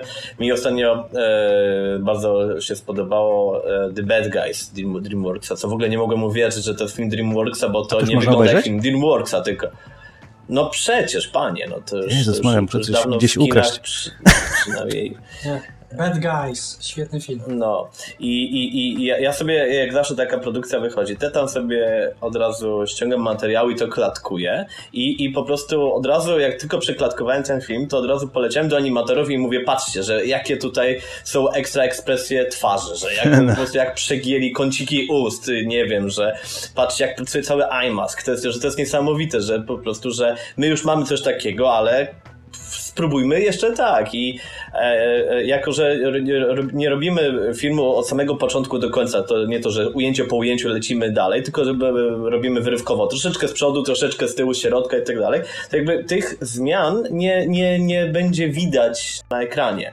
Ale my jak najbardziej nie zamykamy się cały czas jakby jakby na było mało po prostu. Jeszcze bardziej podnosimy sobie tę poprzeczkę. No, bo... no macie, jak, czy macie jakieś zasady, przepraszam Wojtek, wiem, że lubisz dużo mówić, ale chodzi, chodzi o to, czy macie takie podejście, że nie wiem, done is better than perfect, czyli sobie wyznaczyliście jakieś takie, no znów angielszczyzna będzie milestone, e, że projekt musi być skończony do tego momentu, czy raczej staracie się wypuścić taką już cudowną perłę i bez względu na to, ile to pochłonie czasu, no i tutaj troszeczkę smutnie powiem pieniędzy, ale nie sądzę, że aż tak dużo pieniędzy, jakbyście chcieli.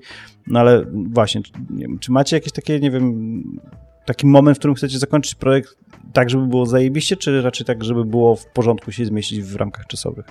Znaczy, ja uważam, że to jest, to jest coś, co dawno temu John Lasseter powiedział, że filmy Pixara nie są kończone, tylko są po prostu zamykane. Nie wiem, już nie, nie, wiem, jak to ładnie przetłumaczyć, po prostu, że po prostu są już oddawane.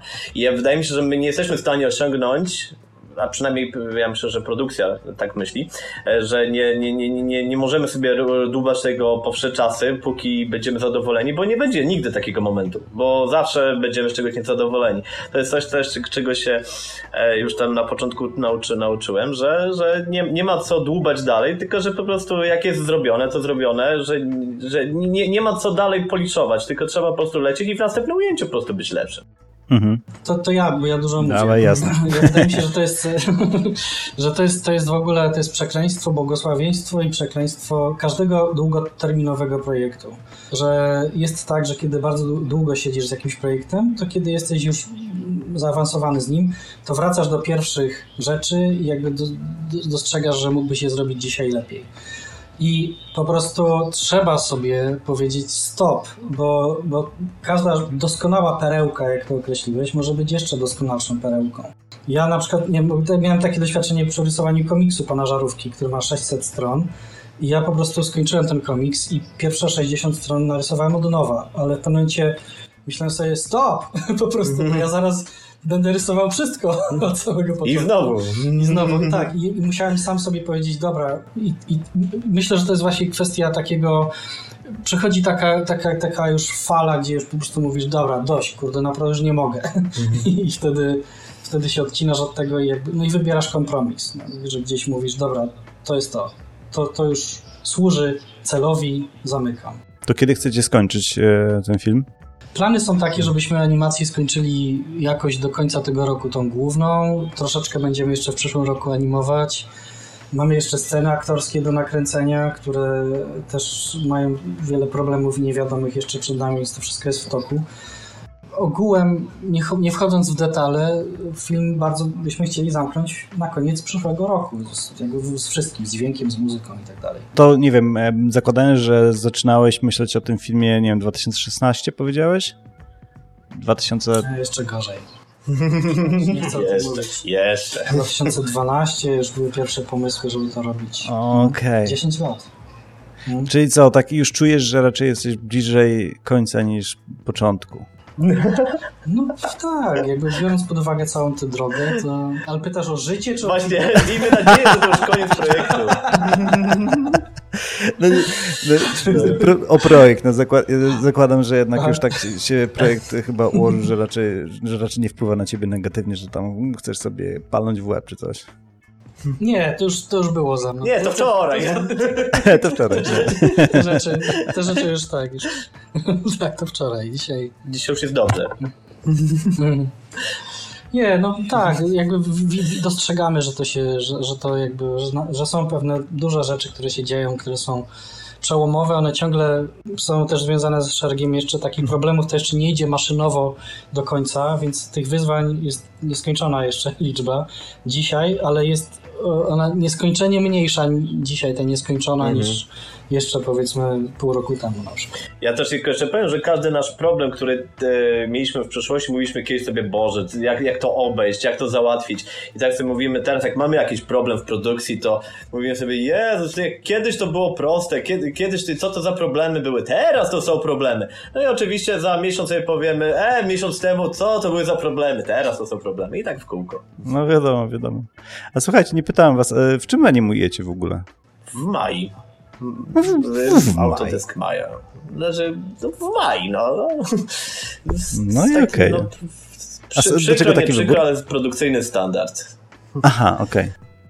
No i Kamil, weź mi no, powiedz, jeżeli na przykład robisz rigi, to też, to też w maj, czy, czy, czy rigi można robić w jakimś tam, nie wiem, sobie innym programie i później eksportować do tego? W ogóle wiesz, rigi można robić w wielu programach, ale raczej, że nie animatorzy będą animować w maj, to ja też muszę zrobić w maj. A to znaczy musisz. A w czym byś wolał? No, nie wiem, ja nie jestem tutaj jakoś ortodoksyjny, jeśli lubię uczyć nowych rzeczy, co nie? Ja chętnie bym się nauczył, nie wiem, od wielu lat na przykład chciałbym się nauczyć Houdiniego, a nie mam kiedy, co nie? No, Nie wiem, liguję w Mai, przyzwyczaiłem się. W Mai ma swoje wady, zalety, spoko. Mogę w niej robić, mogę czymkolwiek innym. A nie wiem, tak właśnie powiedzmy software'owo, jakoś tak, nie wiem, jakieś narzędziowo e, przyjęliście jakieś takie ogólnoświatowe standardy, czy no tutaj niby już tam ma już padło hasło, że jest takim standardem, tak? Ale tak. starać, wymyślacie jakieś takie podejścia, nie wiem, jakieś takie autorskie, czy, czy, czy raczej opieracie się na takich sprawdzonych rzeczach, e, takich ogólnych?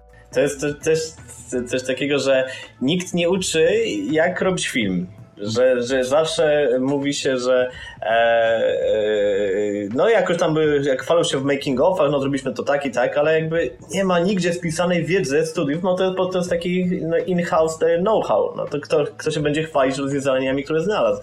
Więc e, właśnie zapytałeś o to, czy my mamy jakieś światowe standardy. Ja ci powiem, nie wiem, bo my nie wiemy, jakie są światowe standardy. Po prostu każdy ma jakieś tam doświadczenie z poprzednich studiów, coś, coś tam robili i z połączonych waszych mocy powstałem ja, nasz pipeline. No i, i jakoś, jakoś to idzie. Ale, ale czy to jest dobre, czy to jest złe? Nie wiem. Wydaje mi się, że to jest nie najgorsze też, też nie, nie, bo to jest tak, że, że to, co, to, co robimy, my troszeczkę to, to, co mówi Rafał, że my musieliśmy, robiąc nasz pierwszy film, naprawdę musieliśmy wymyślić szereg rzeczy, które podejrzewam, że w dużych studiach są, są no, jakąś absolutnie normalną procedurą.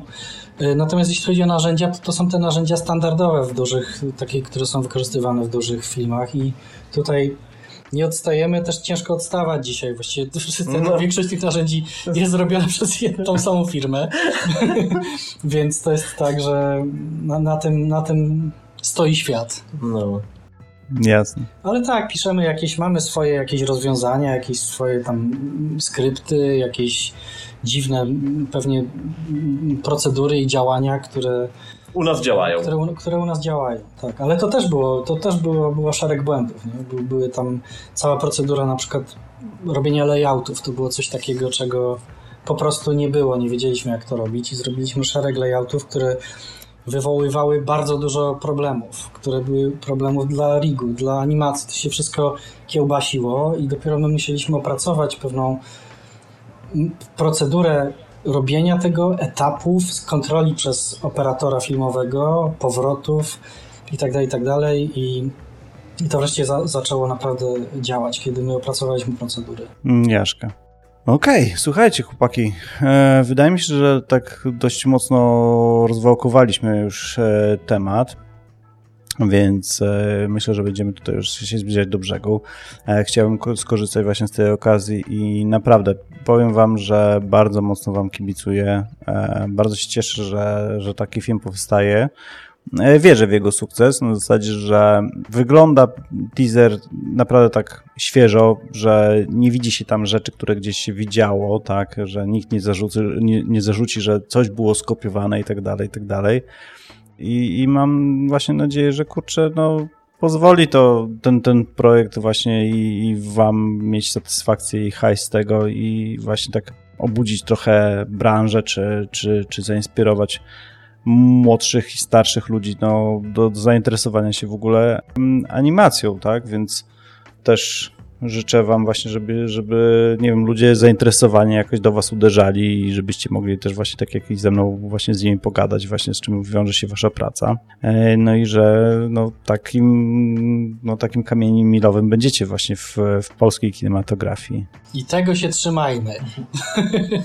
dzięki, dzięki za, za, za ciepłe słowa. Bardzo ich bardzo ich potrzebujemy też, bo to wiesz, bo to jest tak, że my czasami w takim ferworze codziennej pracy nie zawsze mamy taki, wiesz, taki, taki czas, ani okazję na to, żeby ktoś ktoś nam po prostu powiedział dobra robota, nie? To często jest tak, że my działamy, działamy i, i to... Ale fakt jest taki, że, że jeżeli my wiem, cofamy się i spoglądamy na to, gdzie byliśmy rok temu i dwa lata temu i trzy lata temu, to to ta, z takiej perspektywy widzimy, że, że zrobiliśmy naprawdę kawał dobrej roboty, z której jesteśmy dumni. Mm. Ja właśnie no chciałem tylko dopowiedzieć, że my jesteśmy zamknięci w takim bąbelku, że e, nikt nas nie klepie po pleckach, że dobra robota codziennie, nie słyszymy, że dobra robota, więc dlatego tak właśnie fajnie czasami takie paliwo mieć do, do, do naszej roboty. No właśnie też tak, teraz mam taką konkluzję, że kurczę, wiecie, jakiś aktor polski by się zajmował jakimś pro projektem, no to ktoś by powiedział, że fajnie, ktoś by powiedział, że do dupy, on tam, wiesz, nie wiem, sobie TikToka nakręcić z, z planu zdjęciowego, whatever, coś takiego, no nie? I, I, wiesz, lepiej, gorzej, tylko że kurczę jest celebrytą, nazwisko jest znane i się mówi o jego tym filmie, tak?